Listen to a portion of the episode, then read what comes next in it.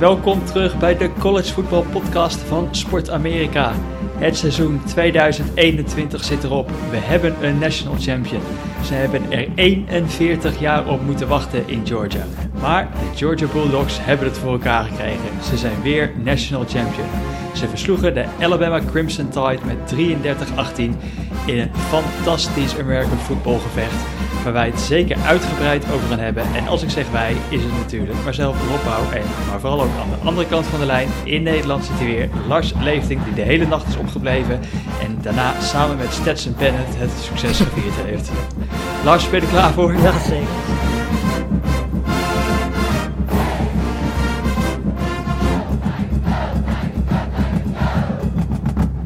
Ja, Lars, het, uh, de wedstrijd begon in Nederland om twee uur, kwart over twee. Nou ja, ik um, dacht dat het twee uur zou beginnen, maar uh, dat begon om half drie. Je weet hoe het werkt. Dat, uh... Precies. Hoe, hoe zat jij er klaar voor? Zag chips op de bank? Of? In eerste instantie zat ik op de bank. Bleef de eerste helft ook wel zo. Maar toen het eigenlijk spannender werd, begon ik, begon ik eigenlijk steeds meer bijna in de tv te kruipen. Want het werd, uh, vooral de tweede helft was natuurlijk echt een groot spektakel als je van, uh, van offense en van uh, veranderende situaties houdt. dat was in de eerste helft wat minder. Maar ja, ik heb, het, het, was het absoluut waard om er, om er s'nachts voor uit te gaan, dat zeker. Ja, ik denk dat het echt een super mooi duel was. de mensen die op de under zaten, en dan ook nog eens Georgia min 2,5, gooi ik er meteen even bij. Die zaten aan de goede kant. Wie bedoel je, Rob? Maar ja, uh, het was natuurlijk sowieso de vorige wedstrijd die ze eerder hadden, wat was het, 37 dagen daarvoor, ja. was natuurlijk afgetekende overwinning voor Alabama. Dus het was de vraag van hoe gaat Georgia zich revanceren? Kunnen ze zich revanceren uh, voor die 41-24 nederlaag? En hoe gaat het gevecht eruit zien? Uh, en het vooral bleek dat die defense van Georgia, die stond er klaar voor. En Alabama miste misschien wat offensive wapens. Sowieso, wat we het vorige week al over hadden, Matchy was er niet. En toen in de eerste helft, uiteindelijk moest ook nog Jameson Williams eraf. Maar um, wat was jouw eerste gevoel toen je begon te kijken bij het eerste kwart? Uh, nou ja, sowieso de hele eerste helft was eigenlijk in het, in het voordeel van, van Georgia. Als je kijkt naar hoe de, de wedstrijd verliep. Want het was natuurlijk een en al defense. Was, uh, volgens mij hadden we vijf field goals in die eerste helft. Wat nog nooit in een, een playoff wedstrijd gebeurd is. Uh, ja, zo'n type wedstrijd is gewoon in het voordeel van Georgia. Dus ik dacht van ja, weet je, als die tweede helft ook zo gaat, heeft Georgia een hele goede kans om die wedstrijd te winnen. Um, er waren eigenlijk maar drie grote plays in, in die eerste helft. Dat was die, die bal van, uh, van Young op, uh, op Latu. Uh, die bal van, van, van Bennett op Pickens, wat een fantastische catch was. En ja, helaas ook die bal op Williams, waaruit uiteindelijk bleek. En dat, dat zag je eigenlijk al in herhaling meteen, dat, dat hij zijn ACL heeft ja, geblesseerd afgescheurd. Um, net zoals Matchy. Dus die zijn nu allebei met dezelfde blessure uh, liggen ze eruit. Uh, en je zag hem ook in de haling, zag je hem eigenlijk ook knap op het moment dat hij af wou zetten. Uh, dus je wist eigenlijk toen al meteen, ondanks dat hij daarna heel goed weer kon lopen, want dat viel hem op zich nog wel mee. Maar dat zegt bij ACL's niet zo heel erg veel. En dat bleek wel, want de, ja, die is gewoon afgescheurd. En dat is, dat is toch wel jammer, want dat gaat zijn, zijn draftstok wel een beetje aantasten. Zeker als hij zoveel concurrentie heeft zoals hij in de komende draft heeft. Hoe veranderde dat de wedstrijd, vond jij? Ja, heel erg. Ik, want, ik, ik, had eh, namelijk tot dat het idee dat Alabama best nog wel echt druk kon zetten. Ze uiteindelijk in die red zone possessions ja, stond die Georgia defense als een huis, zoals die eigenlijk het hele seizoen natuurlijk al staat in die red zone. Maar Alabama wist toch wel, met, inderdaad met die twee grote plays, ze wisten toch bijvoorbeeld Williams best nog wel te vinden en gevaarlijk te zijn. Ze hadden in de eerste helft veel meer yards. Ik bedoel, hun drives waren beter. Aanvallend gezien liep het beter. En ze, ze, hebben kansen laten liggen in de red zone om, om de helft, de rust in te gaan met een, een veel grotere voorsprong. Um, en dat hadden ze eigenlijk moeten doen met Williams erbij. Want op het moment dat Williams uitviel, um, dat zag je ook begin tweede helft, gingen ze meer naar Brian Robinson. Um, omdat dat eigenlijk nog de enige echte ervaren kracht was die ze aanvallend gezien nog hadden. Eigenlijk überhaupt het enige wapen. De rest waren allemaal jongens die, die of rookies of sophomores waren.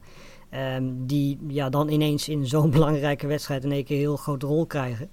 Um, en dat zie je ook in de tweede helft. Ik bedoel, Bryce Young gooit een paar fantastische ballen die gewoon niet gevangen worden. Um, en dat zijn allemaal dingen die met Matchy en met Williams erbij waarschijnlijk niet gebeurd waren. waarschijnlijk tast het ook, hè, de, de manier aan waarop zij aanvallend spelen. En ik vind uiteindelijk dat, dat Jong en de offense het dan de tweede helft nog wel prima gedaan hebben zonder hun twee beste wapens. Maar uh, ja, het mag wel duidelijk zijn dat dat. En ook het feit dat ze hun twee beste cornerbacks misten. Hè, Joby uh, was er bijvoorbeeld niet bij. Uh, je zag dat dat in de tweede helft wel echt impact had. Ja, ik denk ook inderdaad wat jij ook zegt, een paar die, vooral die receivers, was Ikey Hall was het volgens mij. Ja, die had ja. echt een paar, die heeft, ik weet niet hoeveel, Ja, Hall en volgens Brooks mij had hij acht, acht targets en twee catches of Ja. zoiets. Ja, zoiets. De, allebei lieten ze echt wel ballen vallen, ook in de buurt van de endzone. Waar je denkt van ja, weet je, als dat Williams en Matchy zijn, dan zijn dat 100% catches. Ja, dat, dat zijn ook dingen. Ik zat toevallig ook met een vriend van mij, zat ik de Epic zo van, joh, als inderdaad als Williams of, eh of Matchy hier staat, ja, dan krijg Ja. je echt wel een ander verhaal. Ja. En dat misschien nog wel iets nog leukere wedstrijd misschien was geweest, omdat Georgia ook nog iets meer uit de stal moet kruipen. Ehm, en ik had nog steeds, ook het begin van die tweede helft, had ik nog steeds het gevoel, dit, dit is toch weer traditioneel dat Alabama het er zo meteen toch weer uit gaat slepen. En Ja. ik vertrouwde Kirby toch niet helemaal. En ja, en ik moet toch ook bekennen dat ik op dat moment ook nog steeds Stetson Bennett niet helemaal vertrouwde. Vooral na, nou, Na die wat fumble. Ja. na die fumble, wat er gebeurde. Ehm, ik zat mezelf op te vreten. Ik moet zeggen, in de eerste drive van de wedstrijd, toen ik Stetson Bennett zag, toen had hij volgens mij nog een beetje stage fright. Ja. Toen dacht ik echt van, jongens, jongens, als dit de finale moet worden. ehm herpakte zich, maar ja, het, dan met die fumble, toen dacht ik, jongen, dit kan echt, volgens mij tweette jij het ook, dit kan gewoon de wedstrijd kosten. Ja, en de, de- dat was begin vierde kwart, hè? ja, het was begin vierde kwart. En toen, toen had ik en volgens mij heel veel mensen het idee dat de wedstrijd een beetje Alabama's kant op ging. Er Ehm, stond 13-9 voor de Bulldogs dan. Ja, toen het leverde volgens mij ook een touchdown op vervolgens. Ehm, ja, weet je, dan, dan ga je natuurlijk als, als Georgia wel een stuk lastiger krijgen. Maar waar ik wel heel erg van onder de indruk was, was de reactie van, van Bennett. Want eh, de drive daarna gooit hij echt vier, vijf fantastische passes waaronder die bizarre catch van Mitchell die uiteindelijk die touchdown oplevert.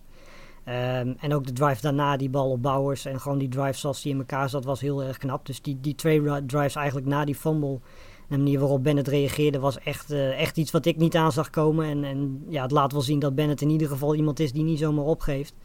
Ehm, en dat heeft hij eigenlijk het hele seizoen al wel laten zien. Zijn Ja, ontwikkeling zijn hele sowieso. leven, hè? Het hele. Stetson Bennett sprookje natuurlijk. Ja, want hij is volgens mij een van de weinige spelers ge- afgelopen nacht, die, of afgelopen nacht, nacht ervoor, die, die geen 5-star recruit was. Eh, en toch gewoon misschien wel de belangrijkste rol speelde in die wedstrijd. Ehm, ja, weet je, het, is gewoon bizar knap. En de, de emotie dan achteraf natuurlijk na die eh, pick six van, eh, van Rambo, of Ringo, sorry, is dan ook meer dan te begrijpen natuurlijk. Ja, en nog even het, het sprookje natuurlijk van Stetson Bennett. Een walk-on bij Georgia. Eh, die mocht als een soort van... eh, in een, een scoutteam mocht hij Baker Mayfield spelen... toen ze daar een cruciale Ja. matchup hadden met de Sooners. Daarna moest hij toch nog eh, weg. Hij naar de JUCO, Junior College. Heeft hij gespeeld, kwam hij terug. Nou, kon hij eigenlijk toch weer vertrekken. Bleef in zichzelf geloven, bleef gewoon terugkomen. Kreeg uiteindelijk toch een scholarship. Ja, wat volgens mij begin van dit seizoen ook zelfs natuurlijk nog weer derde quarterback. Ja. Achter volgens mij eh, Daniels natuurlijk en achter Beck. Ja. Vorig jaar was hij natuurlijk derde quarterback toen Daniels en Newman binnenkwamen. En speelde hij ook niet goed. En Mattes, die was toen volgens mij, die werd toen ook nog benoemd tot starter. Dus speelde Ja. die ook niet goed. En toch, Stetson Bennett bleef zichzelf geloven. Dit jaar de starter geworden bij Georgia. En ik denk dat misschien zelfs Georgia-fans nog wel tot en met het, tot het aan het vierde kwart bleven roepen om JT Daniels waarschijnlijk Ja. om die erin te zetten. Goed dat ze dat niet Ja. gedaan hebben. Goed dat ze dat niet gedaan hebben. Het, het sprookje is gewoon compleet voor Stetson Bennett. Die wordt gewoon MVP, eh, offensive MVP van deze wedstrijd. En is gewoon een national champion met de Georgia Bulldogs.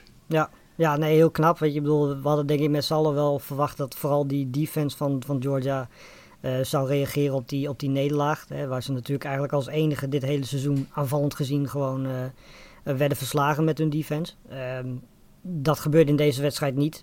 Eigenlijk in de eerste helft niet, in de tweede helft niet. Zeker inderdaad, zoals we zeiden, die, die red zone defense was heel goed.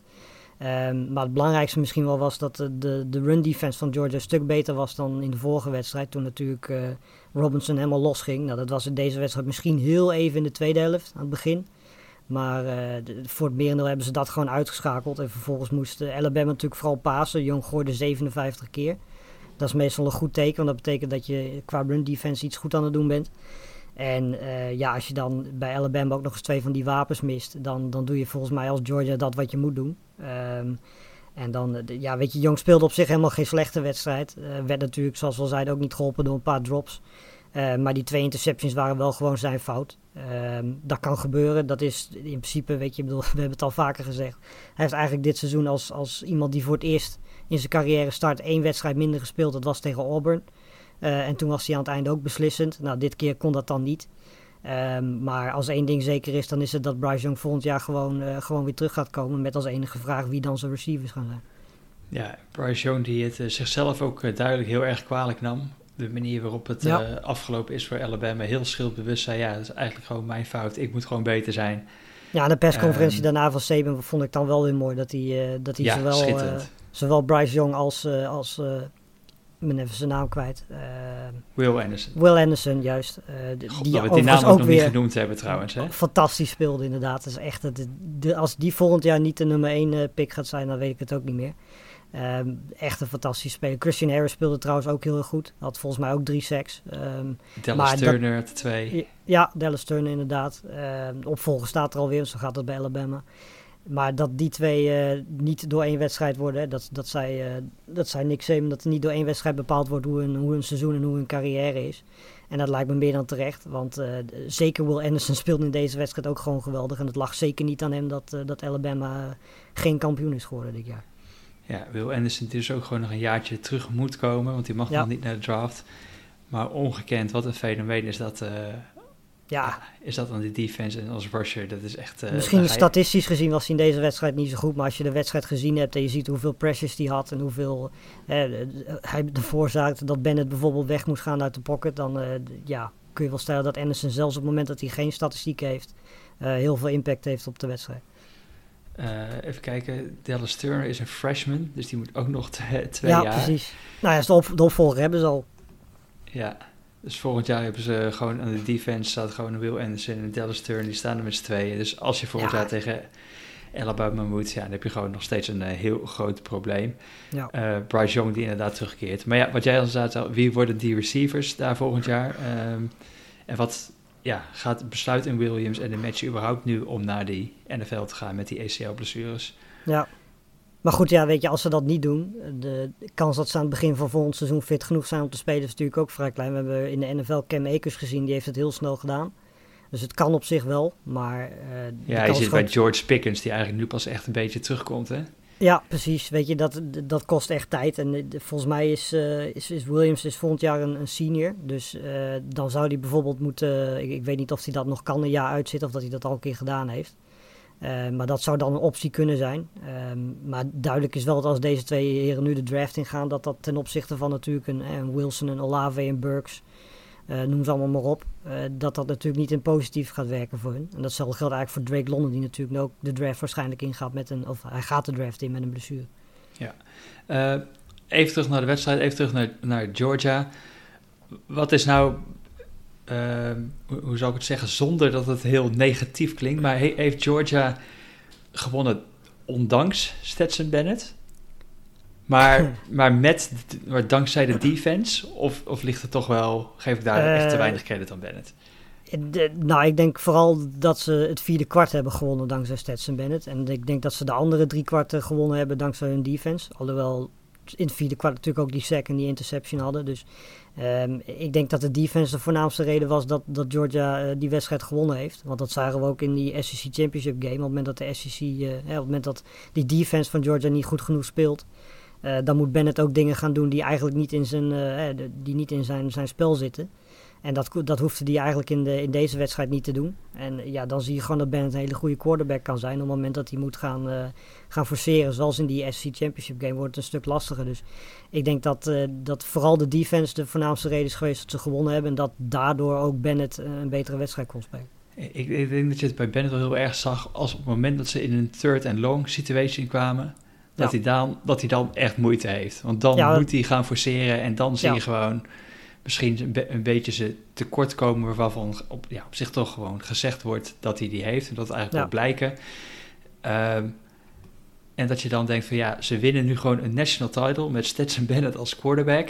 En dan ja. heb je misschien, als je kijkt naar wie de laatste uh, championship winning quarterbacks waren, en als je dan nu Stetson Bennett in dat rijtje zet en waar die gedraft zijn, ja, de kans is klein dat Bennett uh, bij de eerste team picks gaat komen. Nou ja, dat, dat is nog maar de vraag. Ik denk het niet, om heel eerlijk te zijn. Ik denk dat dat... Uh... Maar dat is dan toch bizar eigenlijk, hè? Dus eigenlijk in het hele moderne college voetbal... waarbij het zoveel om die offense gaat en zo explosief... En dan wat Kirby dan met dit Georgia gedaan heeft, is gewoon echt een beetje ouderwets. Gaat tien jaar terug in de tijd. Die zegt gewoon: Ik zet hier een defense neer waar niemand doorheen kan. En dan heb ik ja. gewoon een, een game manager die goed genoeg is. En ik win daar gewoon een title mee. Ja, Ja, nou goed, weet je, bedoel, het heeft natuurlijk ook allemaal met, uh, dat hebben we gisteren ook alweer gezien, met recruiting te maken. Als je kijkt wie er allemaal meedoen, het zijn allemaal vier en vijf star recruits. Dus uh, het geeft al aan hoe belangrijk die recruiting is. En sinds Kirby daar zit, uh, is dat bij Jordan natuurlijk alleen maar beter en beter geworden. Um, en we zien nu eigenlijk pas de, de, impact van het feit dat Jordan de afgelopen twee, drie jaar in de buurt of zelfs boven Alabama stond in die, in die recruiting rankings. Uh, dat zie je nu in het feit dat ze, dat ze deze wedstrijd hebben gewonnen. Dat zag je misschien de voorgaande jaren nog niet helemaal. Maar uh, dit seizoen komt dat dan naar boven. En ik denk dat uh, wat dat betreft Georgia de enige is die in de buurt komt van wat, van wat Nick Saban doet. En dat is natuurlijk geen toeval, want Kirby heeft natuurlijk jaren onder, onder Nick Saban gewerkt. Um, en Kirby is een van de weinigen op dit moment die ja, als ex-assistent van Saban kan zeggen dat hij het wel goed heeft gedaan tegen, tegen, tegen Saban. Ondanks dat dat voor deze wedstrijd natuurlijk eigenlijk ook niet echt zo was. Ja, uh, voor het eerst gewonnen van Saban. Hiervoor had hij vier keer ja. verloren. En nu is hij samen met Jimbo Fisher de enige die als former assistant van, uh, van Saban heeft weten te winnen. Geen beter moment om het te doen dan dit. Wat, wat betekent dit voor, voor, voor, de komende jaren? Is Georgia here to stay, zeg maar? Zouden ze permanente uitdagen echt van dit Alabama? Of is dit gewoon een Zolang Want, Kirby er zit, wel weet je, bedoel, we hebben het gezien met Saban. Weet je, Saban die, die zit daar ook, zolang hij daar zit, gaat dat ook gewoon door. En ik denk dat dat bij Kirby uh, ook wel zo is bij Georgia. Um, en ik denk dat dat, dat zien we ook bij Texas A&M nu. Die beginnen daar ook een beetje aansluiting in te vinden.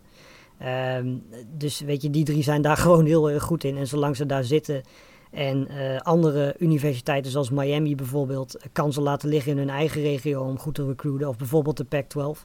Uh, ja, dan kunnen ze daar natuurlijk ook gewoon talent weghalen. Uh, en dat hebben Alabama Georgia al gedaan. Heeft Texas A&M dit, dit seizoen eigenlijk ook gedaan. Want die stonden ook bovenaan en vorig jaar ook al heel goed in de, de recruiting rankings. Uh, dus ik denk dat die twee, en over één of twee jaar zal Texas A&M, misschien volgend jaar al wel Texas A&M er ook bij staan. dat gaan wel de drie, ja, de drie bepalende colleges worden, denk ik, de komende jaren. Als je het hebt over recruiting en het talent wat daar rondloopt.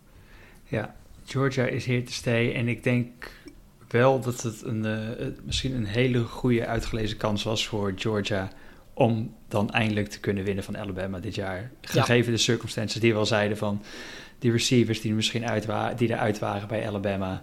Zeker. Uh, de paar blessures die er waren. En, maar goed, dan moet je het nog wel doen natuurlijk. En dat, dat hebben ze eigenlijk wel gedaan. En dat hebben ze gewoon gedaan. Alle lof voor de Georgia Bulldogs dit seizoen. Zeker. Um, want ik zat al even, want we hadden al heel even kort over voor of ze hier te stay waren. Nou, natuurlijk, voor als we naar 2022 kijken, volgens mij zijn ze samen co-favorite voor volgend jaar. Alabama ja. en Georgia. Daarachter Ohio State, Clemson, Michigan, Oklahoma, A&M, USC, Florida, Oregon, Texas. Ja. Nou, ook lief dat Texas nog even in het rijtje wordt. Ja, nou goed, we het is nog ver weg, het nieuwe seizoen, maar uh, ik kan er nu alweer bijna naar uitkijken. Zeker. Uh, voordat we dat gaan doen, laten wij eerst nog even wat andere zaken die natuurlijk ook nog plaatsvonden deze week. Uh, en dan hebben we het natuurlijk weer over de transfer portal. We weten nog niet waar Caleb Williams naartoe gaat ondertussen. Nou, ik denk het wel. Maar we denken het te weten, want hij ja. was gesignaleerd in LA. En dat ja. betekent dat hij waarschijnlijk ergens een kopje koffie heeft gedaan met Lincoln Riley. En Jackson Dart, de quarterback bij USC, die voelt hem wel aankomen. Die dacht, ja, weet je wat, ik uh, duik snel die transfer portal in. Ja, dat, weet je, volgens mij is dit een uh, 1 plus 1 is 2 verhaal. In principe hadden we het idee toen Williams de transfer portal inging... dat er al een grote kans was dat hij naar USC ging. En volgens mij uh, zijn deze twee ontwikkelingen alleen maar een grotere kans dat, uh, dat het uiteindelijk gaat gebeuren. Ik zie een Dart, weet je, want Georgia moet natuurlijk volgens mij ook nog wel een beetje een quarterback hebben. Um, als ze niet het vertrouwen hebben in Daniels natuurlijk. Uh, en ja, Dart zou... Griff en... Uh, ja, precies. Dart zou op zich wel een hele goede optie zijn, denk ik. Uh, maar goed, er zijn er nog zat over die, die ze zouden kunnen oppikken. Dus wat dat betreft... maar dit, dit is volgens mij wel een teken dat, dat Williams naar de USC gaat. En ik denk dat de Pac-12 daar niet zo heel erg blij mee moet zijn. Want ik heb het idee dat Williams de Pac-12 defenses helemaal gaat verslinden, zullen we maar zeggen. Dat, de kans is denk ik zeer aanwezig. En uh, Jackson Dart, ja, wie weet gaat hij nog wel, uh, misschien wel in richting Lane. Want Ole Miss die zoekt ook nog ja. steeds een quarterback. Die zat natuurlijk op Cameron Board, het uh, Azen die uit de FCS kwam. Maar die heeft gekozen ja. om naar Washington State te gaan, waar hij een voormalige coach tegenkomt. Ja, en dat komt weer omdat Delora daar weg is gegaan. Die, om een of andere reden dacht hij dat het goed is om naar Arizona te gaan. Ik, ik heb geen idee waarom, maar behalve dan het weer natuurlijk. Maar verder, ja, dat is dus de reden dat Ward uiteindelijk naar Washington State gegaan is, omdat Delora daar weg is. Ja, dus we gaan het ook in de gaten houden. Waar, uh, maar vooral dus nu nog de vraag, Caleb Williams, wanneer USC soort van bevestigd wordt en waar Jackson Dart heen gaat. Uh, West Virginia wordt ook nog genoemd omdat daar een voormalig Trojans uh, offensive coordinator nu aan de slag is gegaan. Ja. Dus um, ja, ja nog kort een paar andere namen nog. Casey Thompson naar, uh, naar Nebraska. Omdat ja. natuurlijk Martinez Ja, hadden we, vorige week, hadden we vorige week over dat dat een waarschijnlijke was. Die natuurlijk ook uh, volgens mij echt vlak na het opnemen van de podcast ook bevestigd werd. Ja, precies. Ja. En net zoals Zek Calzada naar Ja, precies. Ja. ja. En DTR blijft bij UCLA. Ja. Logisch natuurlijk, omdat Gabriel daar nu weg is. Dus dat is niet zo gek dat, dat hij dan toch besluit maar te blijven. Anders was hij wel weg geweest, denk ik. Ja, en ik denk dat het een jaartje te vroeg was voor hem om naar de draft te gaan, denk ik. Ja, zeker. Ja, en dan nog één dingetje. Dat was Zach Evans van, uh, van TCU, de running back. Die gaat naar Ole Miss. Ja. Uh, die gaat uh, Snoop Connor vervangen, want die gaat, gaat de draft in. Dus volgens mij lijkt Hele me dat goeie, wel een... Zach Evans. Ja, zeker. En de, die zullen ze ook wel nodig hebben als Ward straks daar de, de, de starting quarterback is. Of niet, ik ben even de naam van die kerel vergeten die in de ballgame speelde. Um, maar in ieder geval gaan ze, gaan ze een Zack Evans dan wel extra nodig hebben. Ja. Uh, we noemden de draft al een beetje. Misschien is het leuk als wij uh, af gaan sluiten en of als een klein vooruitblikje doen of een preview uh, doen op jouw draft prospects. Er komt natuurlijk een uitgebreid artikel ter zijn tijd nog op Sport Amerika. Volgens mij als het NFL-seizoen is afgelopen. Ja, ja. maar het is natuurlijk altijd leuk. Wie gaan nou die grote sterren zijn die vanuit college voetbal als de, als, ja, als de grote sterren de stap gaan maken naar de NFL? Uh, dus ik zou zeggen, uh, Lars, wie is nou de nummer 1 in de komende NFL-draft? Is uh, het Hutchinson of is het Thibodeau? wat mij betreft is het Thibodeau. Dit, er zijn steeds meer geruchten dat, dat Hutchinson wel eens nummer 1 zou kunnen worden. Um, op basis van afgelopen seizoen snap ik dat wel, want Hutchinson was, was statistisch gezien beter dan Thibodeau. Um, maar qua talent, qua techniek en qua potentie is, is Thibodeau denk ik nog steeds de betere speler. Hutchinson heeft het ook maar één seizoen echt laten zien bij, uh, bij Michigan. Wat ik altijd heel gevaarlijk vind. Um, maar ik denk dat qua puur talent Thibodeau nog steeds uh, de beste speler in deze draft is. Samen met uh, Kyle Hamilton van Notre Dame en, en Derek Stingley, cornerback van, van LSU. Um, maar het mag wel duidelijk zijn dat de eerste twee picks normaal gesproken edge rushers worden. En de vraag is alleen of het Hutchinson of, of Thibodeau wordt. Dus dan zou die worden 1 en 2 voor jou. Ja, ja. Zeker omdat we met de Jaguars en Lions twee teams hebben die ook nog eens, uh, nou ja, naast bijna overal wel gesterken kunnen gebruiken. Vooral ook op edge rushers wel, uh, wel wat kunnen gebruiken. Ja, dan zijn deze twee normaal gesproken uh, automatisch 1 en 2. De vraag is alleen in welke volgorde. Ja. Wie zou jij dan op nummer 3 zetten? ja, dat is een goede vraag. Want dat zijn volgens mij de Texans uit mijn hoofd die de derde pick hebben. Um, nou ja, de kans is groot dat dat ook uh, defense wordt. Dus dan kom je waarschijnlijk uit bij Hamilton of Stingley. Um, dan denk ik toch dat, uh, dat Stingley dan de, de derde pick wordt.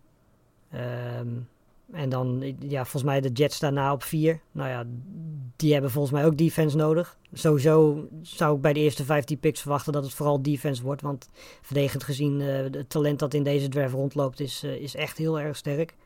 Natuurlijk ook nog als defensive lineman uh, Jordan Davis, de Marvin Leal hebben we nog. We hebben Kalaftis nog, de edge rusher. Uh, nog een paar goede cornerbacks die, uh, die rondlopen. Maar ik denk dat, dat Stingley dan 3 gaat en dan Hamilton 4, denk ik. En dan volgens mij 5 zijn de Giants, uit mijn hoofd. Dan ehm, misschien de eerste plek die, die misschien een receiver zouden kunnen overwegen, want die hebben ze wel nodig. Maar uh, dan ga ik toch voor Jordan Davis op, uh, op 5.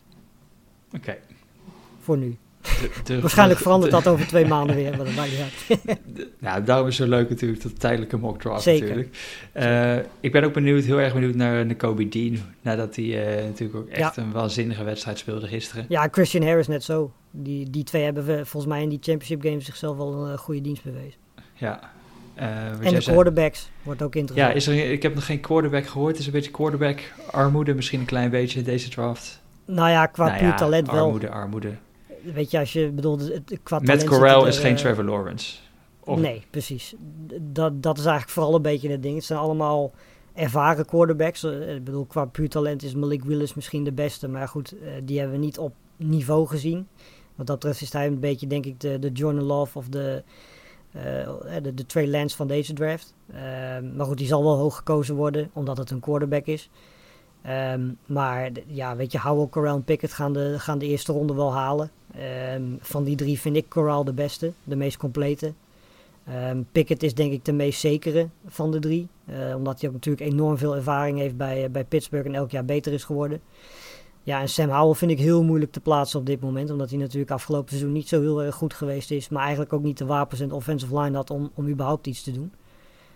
Um, dus ik, vind Howell op dit moment het moeilijkste peilen waar hij heen gaat. Maar goed, ik, ik zou wel gewoon vier, vijf quarterbacks in, in de eerste ronde verwachten. En dan mag je misschien Desmond Ridder er ook nog wel bij zetten. Um, en voor mij degene om echt in de gaten te houden, dat kan een beetje een Davis Mills type worden, is, uh, is Carson Strong van, uh, van de Veda. En dan heb je denk ik de zes beste quarterbacks wel gehad. En daarachter is het gat uh, heel erg groot naar de volgende, zullen we zeggen. Het gaat heel erg groot naar misschien wel Stetson Bennett, die, nog, die ook gewoon nog terug kan komen hè, bij Georgia. Is dat zo? Ja, die heeft nog een, die, dankzij het COVID-jaar heeft hij gewoon oh, ja, een jaar dat ja. hij kan gebruiken. Dus uh, ja. we gaan het zien wat daar gaat gebeuren. Um, excuses van mij aan Stetson Bennett als ik te negatief overkwam deze. Misschien wel het hele seizoen over hem, maar fantastisch verhaal en fantastisch hoe hij het heeft uh, gedaan in de championship game. Net als de rest van Georgia voor het hele seizoen. Uh, Lars, wij gaan er een, een eind aan breien voor, uh, denk ik, voor dit seizoen. Ja, dat denk ik ook. Ik denk, uh, ja, weet je, we gaan natuurlijk met de NFL Draft nog wel, wel terugkomen. Maar verder, qua, echt qua collegevoetbal zal het, zal het weer eind, nou wat zal het zijn? Augustus, denk ik, dat we weer, weer terug zijn. Dat is nog een tijd weg, hè? Nog dikke, dikke 7,5 maand gaat het, gaat het duren. Ja. Nou, het is maar goed dat de NFL Playoffs en de, de draft ertussen zitten. Anders dan is het echt een heel groot gat. Wat, nog even een samenvatting van het 2021 seizoen. Uh, gekkenhuis. Ja, ik hè? denk dat, ondanks dat Alabama en Georgia wel de twee beste teams waren, hebben we toch denk ik heel veel universiteiten en ook heel veel spanning tot het einde gezien wie de play-offs zouden halen. En daarnaast hebben we volgens mij ook een paar fantastische wedstrijden gezien. Hè? Texas, Oklahoma, die drie games die we aan het einde gezien hebben. Um, fantastische finale van de college voetbal playoffs. Dus ik denk dat we, dat we dit seizoen meer dan vermaakt zijn. En laten we hopen dat dat volgend jaar weer gaat gebeuren. Ik uh, heb er eigenlijk helemaal geen twijfel over of dat volgend jaar weer gaat gebeuren. Dat denk ik ook niet. College voetbal staat op zijn kop. Het wordt, top wordt misschien wel net wat breder door die distributie van de quarterbacks over verschillende teams. Ja. Dankzij dat rare transfer portal. Um, ik denk dat we een super mooi seizoen, uh, seizoen gezien hebben. Misschien komt er ooit een keer een expansion aan van, van ooit de playoffs. Ja, we hebben natuurlijk we zeiden vorige week al dat er waarschijnlijk niks uit zou komen uit het overleg wat ze dit weekend zouden hebben. Nou, dat bleek ja. natuurlijk ook weer. Ja. Dus ooit komt er een expansion van die college football playoff aan, maar voorlopig gaan we in dit format uh, verder. Um, Lars, ik heb uh, van genoten van het seizoen en natuurlijk ook Zeker. weer van, uh, van jouw inzichten, commentaren en uh, onze podcast dit seizoen. Dus dankjewel. Ja, we gaan het volgend jaar gewoon weer doen. Dat gaan we gewoon doen. Zeker. Top. Uh, jullie allemaal hartstikke bedankt voor het luisteren naar deze, wat volgens mij zijn het ongeveer 17 of 18 afleveringen geworden van de College Podcast weer dit seizoen. Uh, super bedankt voor het luisteren en blijf natuurlijk voor al de Sport Amerika channels in de gaten houden. Voor alle artikelen die Lars nog op sportamerika.nl gaat zetten. En natuurlijk ook al die andere podcasts over de NBA, over de NFL, over de MLB misschien wel. Dus uh, blijf vooral terugkomen naar Sport Amerika. En namens Lars Leesvink en mezelf bedankt voor het luisteren en tot volgend seizoen.